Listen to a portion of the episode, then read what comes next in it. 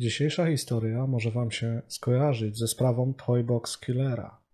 Podstawowa różnica między nimi jest taka, że w tym przypadku ucieczka nie jednej, a dwóch kobiet nie wystarczyła, aby policja podjęła jakiekolwiek działania. Winny ostatecznie został doprowadzony przed oblicze sądu, jednak trudno mówić tu o triumfie sprawiedliwości. Nie udało się też uzyskać odpowiedzi na wszystkie pytania. Taka sprawa z serii wyjaśnione, niewyjaśnione. Zapraszam do wysłuchania.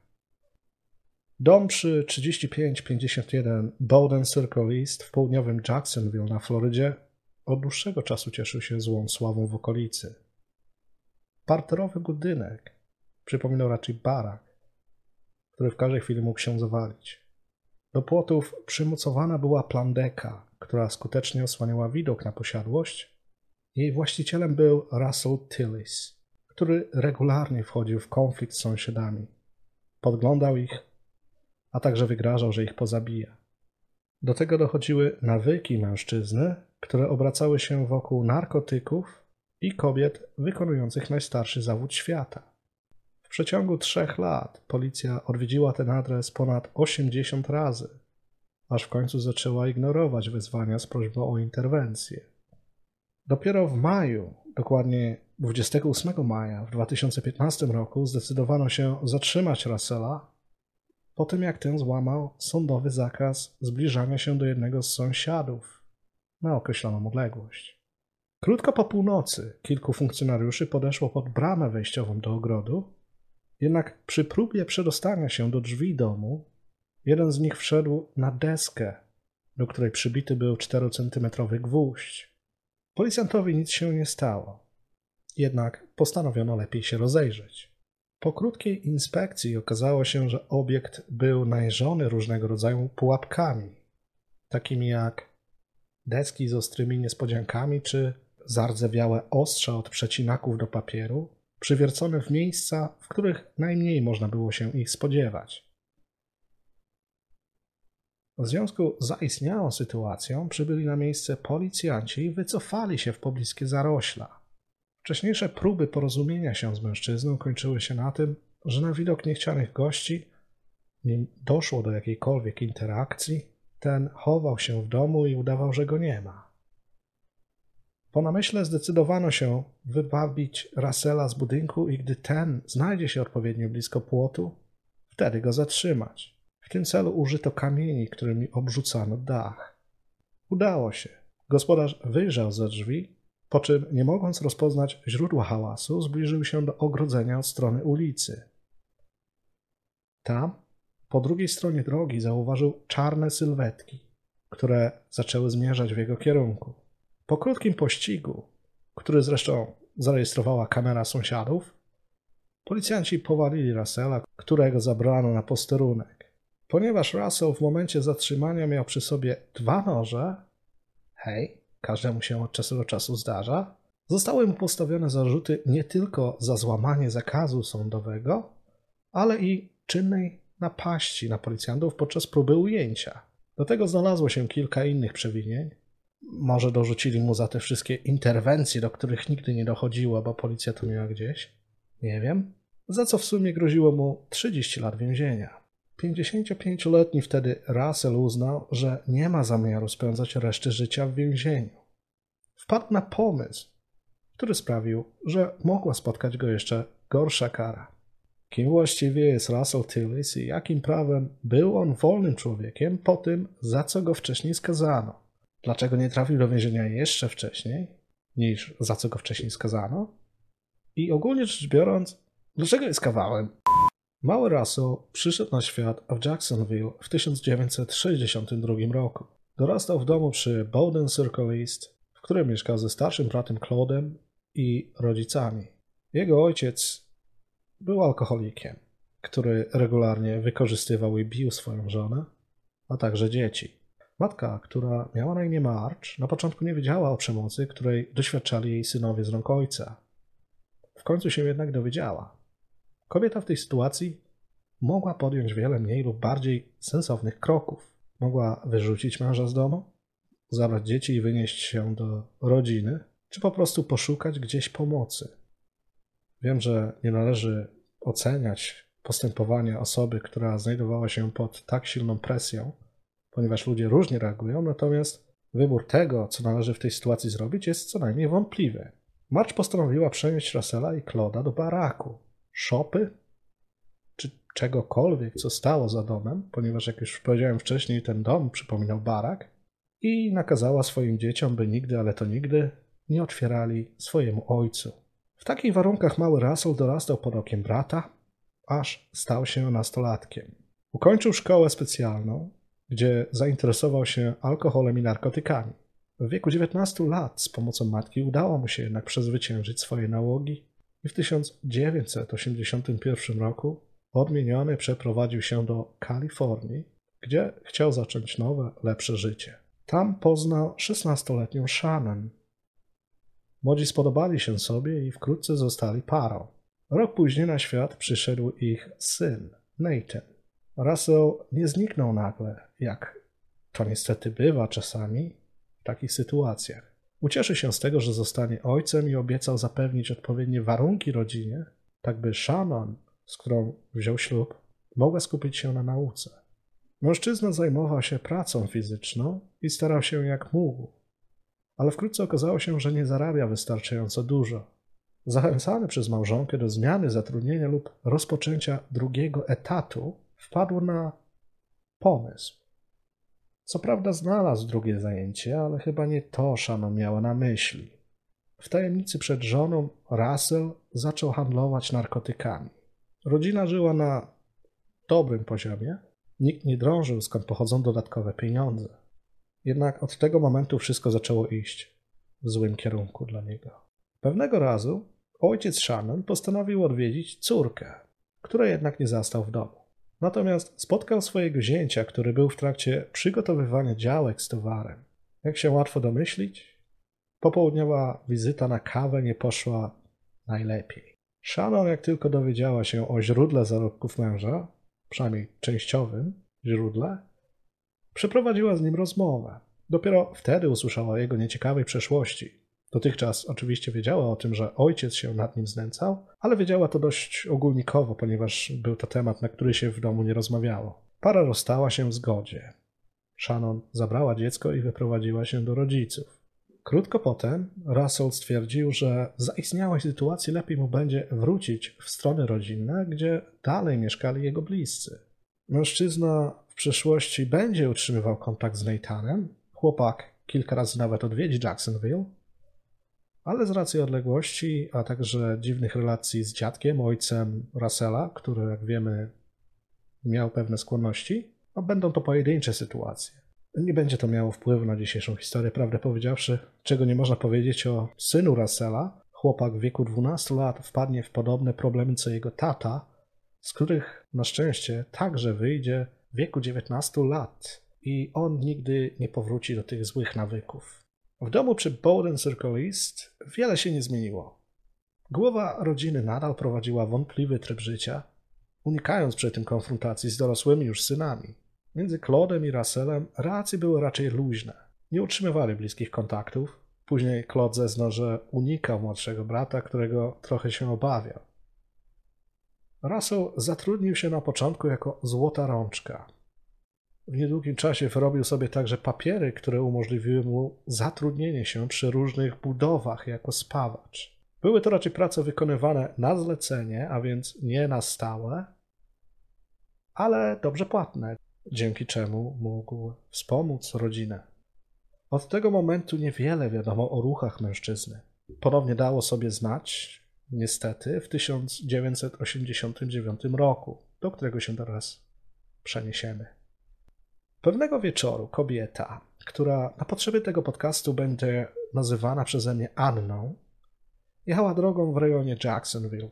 Nagle samochód odmówił jej posłuszeństwa i zmusił prowadzącą do zjechania na pobocze.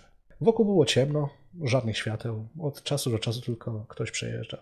Anna tego dnia wykupiła pełne ubezpieczenie, które obejmowało także pomoc w tego typu sytuacjach. Nie miała jednak możliwości zawiadomić serwisu, ponieważ w okolicy nie było żadnego telefonu. Ponieważ był to rok 1989, także o telefonie komórkowym nie było tutaj mowy. W sensie można je było już nabyć, ale nie były one jeszcze tak powszechne i jak zgaduję, nie były aż tak niezawodne jak obecnie. Kobieta nie czuła się komfortowo, co sobie łatwo wyobrazić. Jej plan zakładał, że poczeka w zamkniętym samochodzie, aż drogą będzie przyjeżdżać patrol policyjny. Wtedy mogłaby poprosić y, o podwiezienie jej na najbliższą stację benzynową, skąd mogłaby zadzwonić. Minęło jednak trochę czasu. Anna zaczęła wątpić, że udaje się uzyskać oczekiwaną pomoc. W pewnym momencie obok niej zatrzymał się biały pick-up. Ze środka przemówił do niej młody, dobrze prezentujący się mężczyzna. Zapytał, czemu stoi na poboczu i zaproponował jej, że mógłby zajrzeć pod maskę i spróbować uruchomić jej pojazd. Po upływie kilku minut jednak przyznał, że niewiele jest w stanie zrobić. Wtedy Anna poprosiła go, aby ten zatrzymał się przy najbliższej stacji benzynowej i zadzwonił pod podany numer. W tym momencie chciała mu dać nawet swoje dane, o jakie zapewne byłby zapytany. On odmówił, stwierdził jednak, że może ją podrzucić, by ta sama zadzwoniła po pomoc. Kobieta, obawiając się, że jeśli odrzuci propozycję nieznajomego, będzie skazana na spędzenie całej nocy w samochodzie na nieznanej jej ciemnej drodze, zgodziła się. Po wejściu do jego pojazdu zaczęła mu dziękować, nie wierząc w swoje szczęście. Jednak zauważyła, że mężczyzna nagle spoważniał. Przejechali kilka minut w ciszy, po czym skręcili w leśną drogę, która doprowadziła ich do placu budowy. Biorąc pod uwagę porę dnia, właściwie był już e, późny wieczór, nikogo tam nie było. Po zatrzymaniu pojazdu Anna została zaatakowana. Napastnik próbował ściągnąć z niej ubranie. Gdy ta jednak odpowiadała walką, ten zaczął ją podduszać. Kobieta, czując, że traci siłę, przestała stawiać opór, po czym ponownie odpychała go, na co nieznajomy reagował w ten sam sposób, co wcześniej, to znaczy zaczął ją dusić. W pewnej chwili zauważyła, że oczy nieznajomego skierowane są na drogę. Dwa światła zbliżającego się samochodu odwróciły uwagę napastnika na tyle, że Anna była w stanie wyskoczyć z pojazdu który niemal natychmiast opuścił plac budowy. Z półciężarówki wyszło dwóch mężczyzn, którzy widząc w jakim stanie znajduje się kobieta, natychmiast udzielili jej pomocy. Ta wskazała im miejsce, z którego została zabrana. Udało im się uruchomić samochód kobiety, którą następnie zabrali do pobliskiego motelu, z którego zadzwoniła do swojej matki. Co ciekawe, udzielili także informacji na temat osoby odpowiedzialnej za atak. Rozpoznali go, ponieważ pracował on przy tej budowie. Znany był też z tego, że nielegalnie zatrzymywał się tam wieczorami, by się przespać. Tym mężczyzną był Russell Tillis. Następnego dnia Anna zgłosiła się na policję, która szybko natrafiła na podejrzanego. Po rozpoznaniu przez ofiarę został on oskarżony i skazany, jednak uniknął od siatki w więzieniu. Możliwe, że zostało to uznane za jednorazowy akt. Jak się to jednak okaże później, takie podejście było błędne. Pytanie tylko, czy wcześniej dokonywał podobnych ataków. Oficjalnie niestety albo istety nie udało się tego ustalić.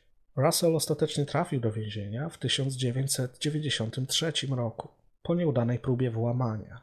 Wyszedł na wolność po pięciu latach. Jednak w 1999 roku, po roku spędzonym na wolności, ponownie został skazany, tym razem za kradzież samochodu.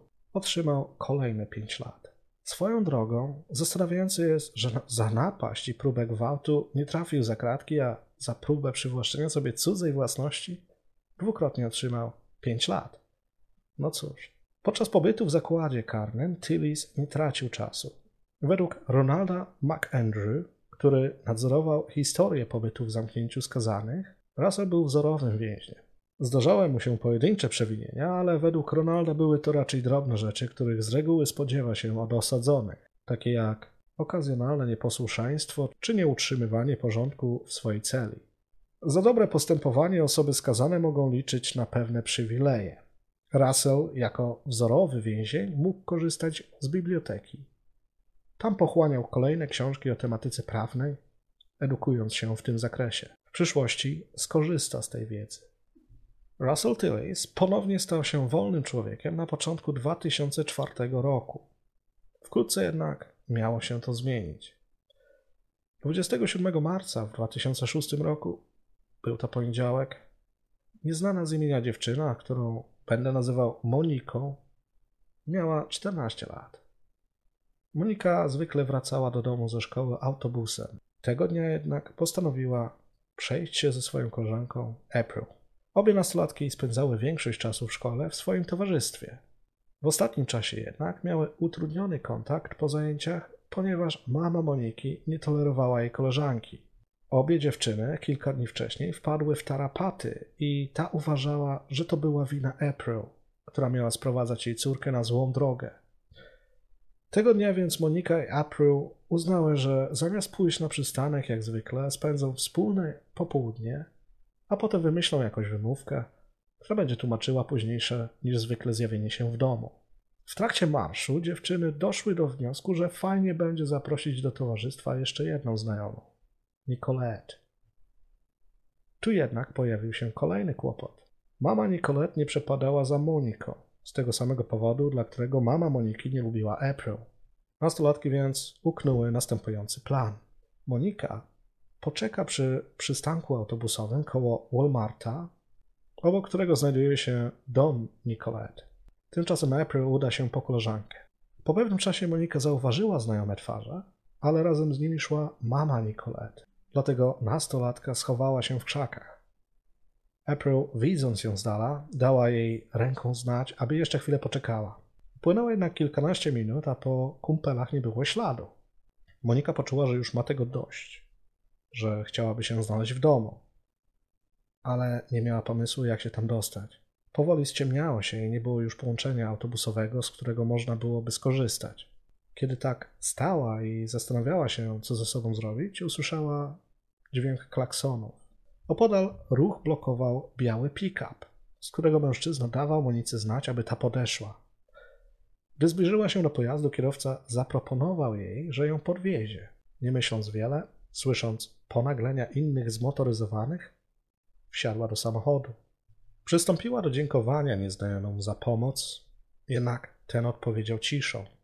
Jego twarz straciła uprzejmy wyraz, który jeszcze niedawno na niej gościł. Wkrótce znaleźli się na opustoszałym parkingu. Monika odwróciła się w kierunku kierowcy, by zadać pytanie o powód zatrzymania się w tym miejscu, jednak w tym momencie otrzymała cios w twarz. Nieznajomy zmusił ją do odbycia stosunku oralnego, grożąc, że jeśli go nie posłucha, ten ją zabije.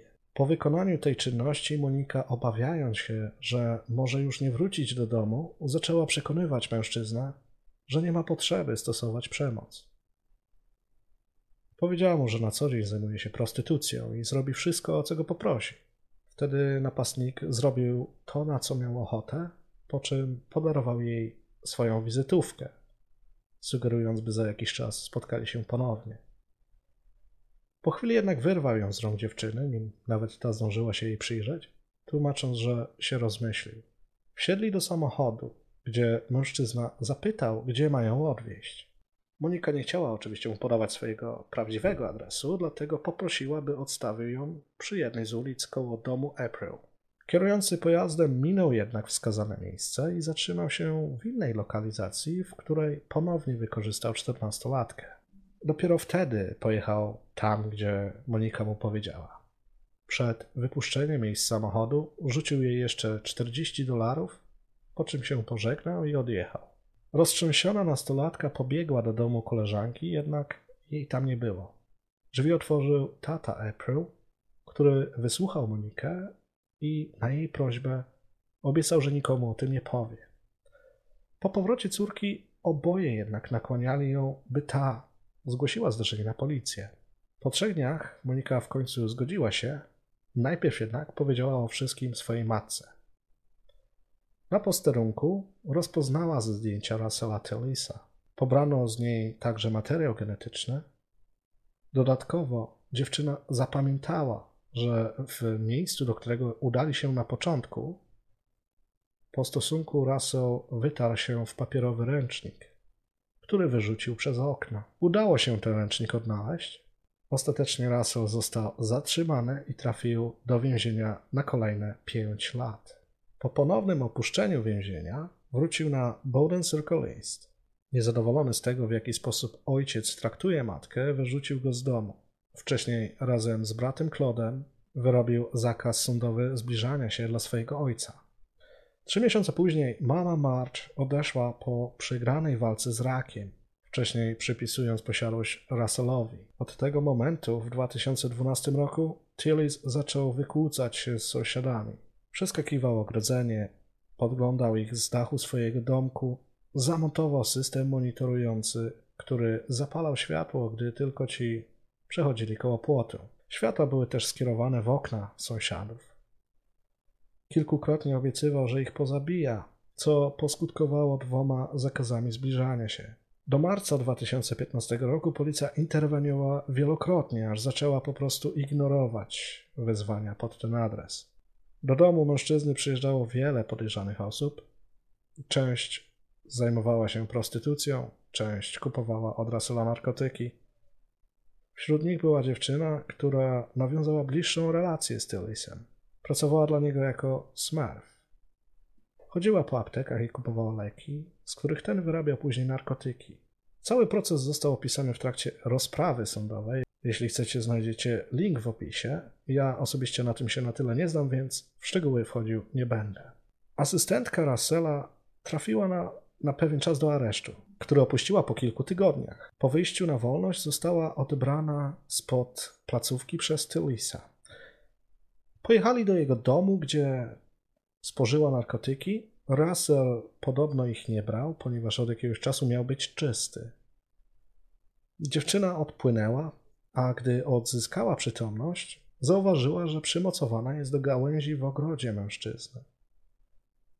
Zaczęła krzyczeć, na co zareagowali sąsiedzi. Policja po zjawieniu się na miejscu powiedziała mu tylko, by ten wypuścił kobietę, co zresztą Russell uczynił, po czym funkcjonariusze odjechali. Wielokrotnie z jego domu dochodziły odgłosy sugerujące, że dzieje się w nim coś złego. Jak wcześniej wspomniałem, jednak służby nie robiły z tym nic. Dwukrotnie zdarzyło się też, że z posiadłości wybiegła naga kobieta, która zaczęła dobijać się do drzwi sąsiadów, krzycząc, że ten ją zabije. I to nie sprowokowało odpowiedniej reakcji policji. Dopiero 28 maja w 2015 roku policja zjawiła się pod domem przy Bowden Circle East z nakazem zatrzymania mężczyzny. Wcześniej, tego samego dnia, Russell przeskoczył na teren posesji jednej z sąsiadek, mówiąc, aby ta wezwała policję, bo tego wieczoru jej tyłek będzie jego. Prawdopodobnie było to poprzedzone wymianą zdań na odległość. Funkcjonariusze starali się wcześniej porozmawiać z Russellem, ale ten skutecznie unikał kontaktu z nimi. Kiedy w końcu postanowiono wejść na jego posiadłość, okazało się, że płoty, drzewa i grunt były pełne ostrych elementów, które miały utrudnić wejście na jego teren w domyśle też opuszczenie go bez zgody gospodarza. Zaczajono się po drugiej stronie ulicy, po czym próbowano zwabić Russella na zewnątrz, rzucając kamieniami. W sądzie Tillis przedstawił swoją relację z tego dnia w następujący sposób. Cytat. Policja pojawiła się po drugiej stronie ulicy koło mojego domu około godziny pierwszej rano. Byli ubrani na czarno, nie mieli oznaczeń sugerujących, że są z policji. Rzucali półkilogramowymi kamieniami przez płot, trafiając w metalowy dach mojego domu. Kiedy wyszedłem zbadać zakłócenie, oni chowali się w krzakach. Pospieszyli, żeby mnie złapać. Zacząłem uciekać. Nie wiedziałem, kim są. Dogonili mnie i pobili. Wierzę, że to zdjęcie, które prokuratura pokazała ławie przysięgłych, liście we włosach, zabrudzenia na ramieniu, sprali mnie porządnie. Znaleźli nóż w mojej kieszeni i kolejny, który miałem przy sobie. Oskarżyli mnie o machanie przed nimi nożem pod moim domem. To był straszliwy koszmar. Koniec cytatu. Policja widziała to inaczej. Według nich, gdy ci podbiegli w jego kierunku, krzycząc, że są z policji, Russell miał stawiać opór przy użyciu noży, który miał przy sobie. Co ciekawe, mimo iż funkcjonariusze mieli paralizatory i broń palną, nie, nie skorzystali z tego wobec mężczyzny, który podobno im realnie zagrażał. W związku ze złamaniem zakazu zbliżania się, Russell miał spędzić w więzieniu ponad dwa lata, ale zastawianie oporu z użyciem niebezpiecznego narzędzia i kilka innych drobniejszych przewinień groziło mu od 15 do 30 lat pozbawienia wolności. Cała sytuacja spowodowała stany depresyjne u zatrzymanego. Wśród osób przebywających w zakładzie karnym znajdują się tacy, którym przypisane są leki. Są one rozdawane na co dzień bezpośrednio do celi. Część z nich jednak nie spożywa ich lub spożywa tylko część przypisanej dawki, chowając resztę, którą później handlują z innymi więźniami. Russell miał oddać 10 racji żywnościowych jednemu ze współwięźniów za 1000 mg Elawilu, leku stosowanego przy depresji. Przy jego pomocy podjął próbę samobójczą, która okazała się jednak nieudana. Tillis wrócił do celi po trzech dniach hospitalizacji. W trakcie odsiadki Russell porozumiał się z Samuelem Evansem, który oczekiwał na proces w swojej sprawie, za co groziło mu nawet dożywocie. Russell zaproponował pomoc w kwestiach prawnych, ponieważ Tillis spędził wiele lat ucząc się prawa z książek dostępnych w więziennej bibliotece, faktycznie posiadał wiedzę, którą mógł wykorzystać na korzyść samiego.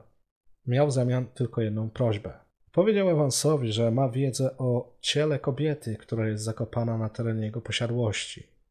On powie mu o szczegółach, jeśli ten zawiadomi o tym policję.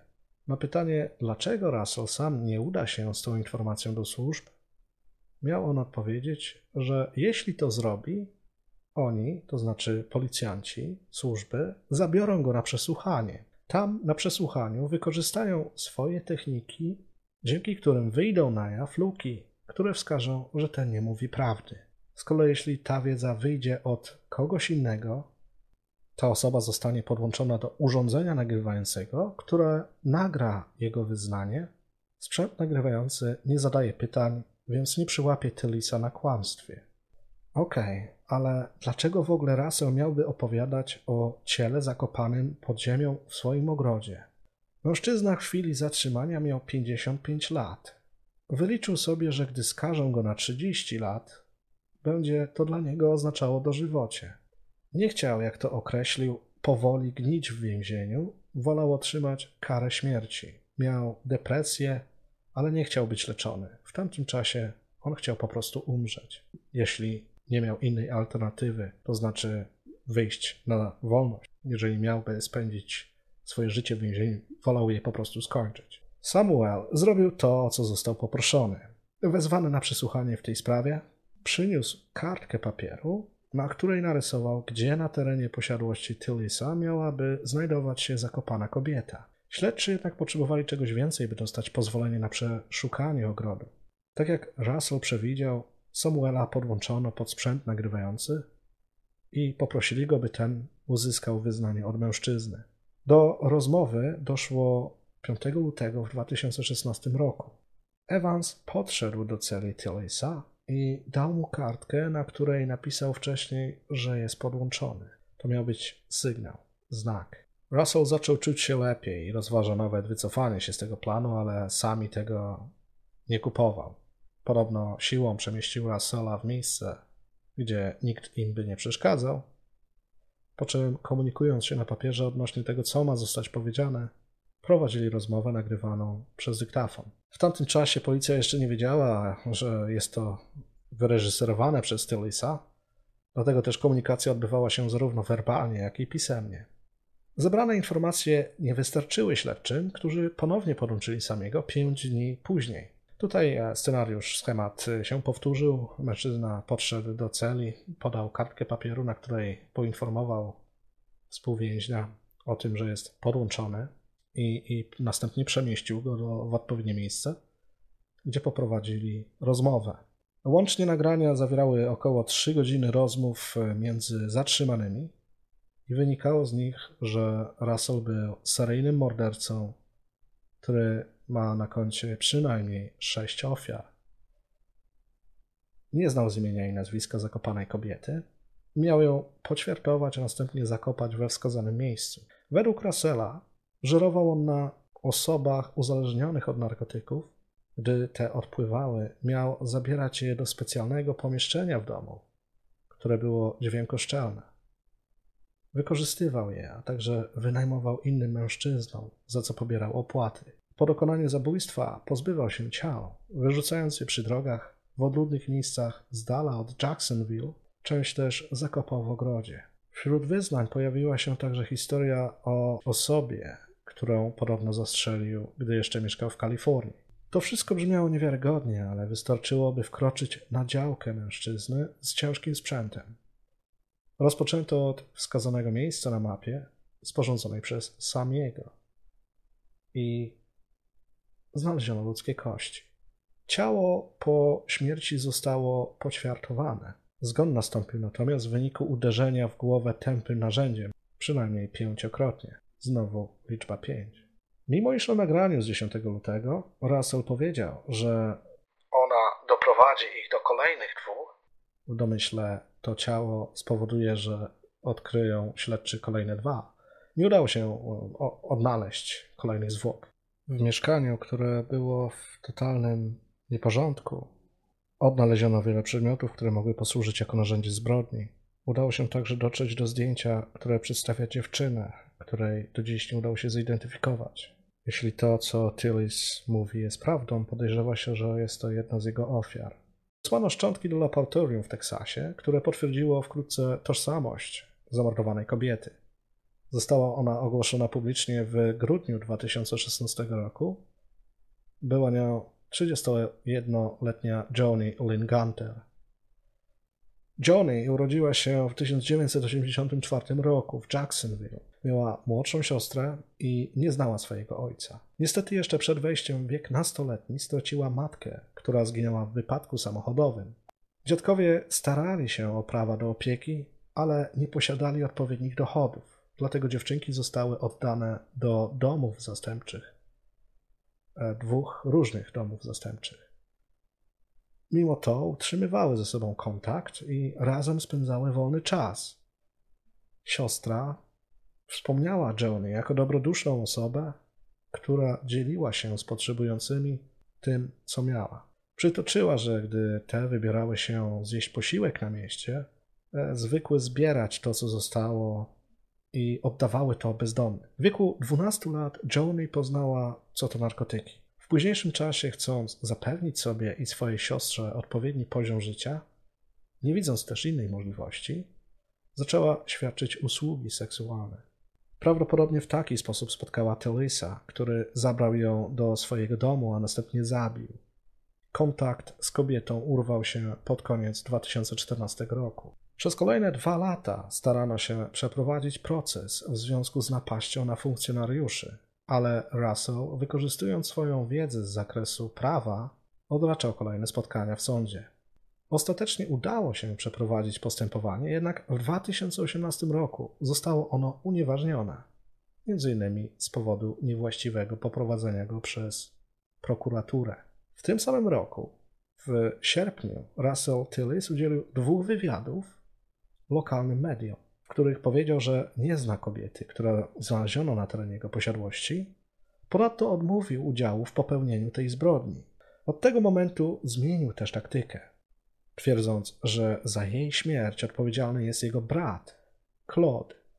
Wielkimi krokami zbliżał się proces, w którym byłby oskarżony o porwanie, zabójstwo, a także zbezczeszczenie zwłok, ale ciągła zmiana obrońców, próba zmiany sędziego, także światowy problem z 2020 roku oraz znajomość prawa przez oskarżonego doprowadziły do kolejnych opóźnień. Ostatecznie sprawa trafiła do sądu w marcu 2021 roku. Russell Tillis nie przyznawał się do winy. Zeznał, że pewnego dnia przyjechał do niego Claude, który wcześniej przez telefon miał go prosić o pomoc w pozbyciu się niesprecyzowanego problemu. Kiedy Russell wyszedł spotkać brata przed domem, zauważył w jego samochodzie martwą kobietę ale nie miał posiadać wiedzy, w jaki sposób ona zginęła. Ponieważ jednak została przywieziona przez Kloda, Tillis uznał, że jego brat był zabójcą. Przyznał się jedynie do pomocy w poćwiartowaniu i pochowaniu zwłok. Dlatego też miał posiadać wiedzę na temat miejsca jej pochówku, którą przekazał współwięźniowi. Oczywiście powrócono do jego opowieści o innych ofiarach, wynajmowaniu kobiet za pieniądze czy dźwiękoszczelnym pokoju, w którym miał wykorzystywać kobiety. Tillis miał wymyślić to, aby zapewnić sobie karę śmierci. W czasie, gdy przyznawał się do tych wszystkich rzeczy, miał depresję i spodziewał się, że dostanie 30 lat więzienia za napaść na policjantów. Biorąc pod uwagę stan, w jakim się znajdował, wymyślił sobie, że woli stracić życie niż zestarzyć się w celi. Określił to nawet jako coś, co myślę, że można przetłumaczyć jako samobójstwo z urzędu, to znaczy przyznanie się do nieprawdziwych rzeczy, gdzie przynajmniej część jest prawdziwa, aby można było uwiarygodnić opowiedzianą historię i tym samym e, uzyskać spodziewany wyrok. Miały to być czynniki obciążające, gdyż Tillis, e, jak przedstawił w sądzie, wiedział, że sam fakt popełnienia zbrodni, zabójstwa, nie gwarantował mu najwyższej kary. Musiało to być zabójstwo z wieloma bardzo ciężkimi czynnikami obciążającymi. Dlatego jak Russell Tillis twierdził przed sądem, zmyślił to wszystko, z wyjątkiem faktu pochowanych w ogrodzie zwłok kobiety, której nie zabił. Tak było wcześniej, natomiast teraz nie chciał umierać, ponieważ jego stan się poprawił. Dlatego postanowił wyznać, jaka według niego jest prawda i tym samym stwierdził, że nie będzie już krył swojego brata, którego, jak twierdził, bardzo kochał. Oczywiście Claude został przepytany w tej sprawie, odmówił jakiejkolwiek wiedzy na ten temat, nie przyznał się do zabicia Johnny, brania udziału w płatnych orgiach czy nawet wizyt w domu rodzinnym. Według jego relacji, odkąd matka zmarła w 2012 roku, przestał widzieć się z bratem, którego po prostu się obawiał. Przyznał natomiast z delikatnym smutkiem, że Russell faktycznie mógł być zdolny do zabójstwa, gdyż jest po prostu złym człowiekiem. W trakcie postępowania skonfrontowano Russella z Claudem. Na podstawie zebranych dowodów nie powiązano jednak brata zatrzymanego z zabójstwem ani jakąkolwiek nielegalną działalnością, o którą Russell osądzał Clauda. W kwietniu 2021 roku Russell został ostatecznie uznany winnym, a 1 czerwca tego samego roku otrzymał karę dwukrotnego dożywocia za porwanie i zabójstwo Johnny Gunter plus 30 lat za zbezczyszczenie zwłok. I tak się kończy historia mężczyzny, który nie chciał umierać za kratkami, dlatego przyznał się do cięższej zbrodni, która miała mu gwarantować śmierć z urzędu. Możliwe, że Tilly zwierzył, że w obliczu tak poważnych zarzutów nikt nie będzie za bardzo skupiał się na czymś tak błahym jak atak na funkcjonariuszy podczas próby zatrzymania. Miałby w tym przypadku trochę racji, ponieważ proces w tej sprawie faktycznie unieważniono. Wtedy możliwe, że chciał uniknąć kary za zabójstwo, tłumacząc, że wszystko to, co powiedział, było wymyślone by zapewnić mu śmierć, której z racji depresji miał sobie wtedy życzyć. Nigdy nie odnaleziono innych ciał, nie wzięto pod uwagę też zeznań potencjalnych świadków handlu kobietami, ponieważ prawdę powiedziawszy nie wiadomo, czy te osoby też nie zostały zmyślone. Pewien czas po zatrzymaniu mężczyzny zniszczono dom przy Bowden Circle East. Co prawda nie zauważono, aby jedno z pomieszczeń miało dźwiękoszczelne ściany. Nie znaczy to jednak, że Tillis nie użył jakiegoś materiału na ścianach, wierząc to, że zagłuszy krzyki swoich ofiar.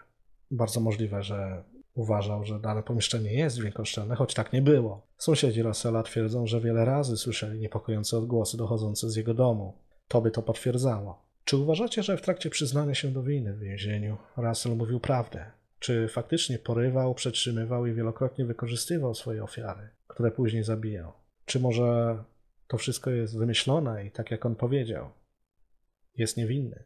Nie zabił tej osoby, a to wszystko opowiedział tylko po to, aby uzyskać karę, której sobie wtedy życzył, bo po prostu był w tak złym stanie. Czy może jedyne, co w tej historii jest prawdziwe, to śmierć Johnny Gunter, które ciało znaleziono w ogrodzie mężczyzny.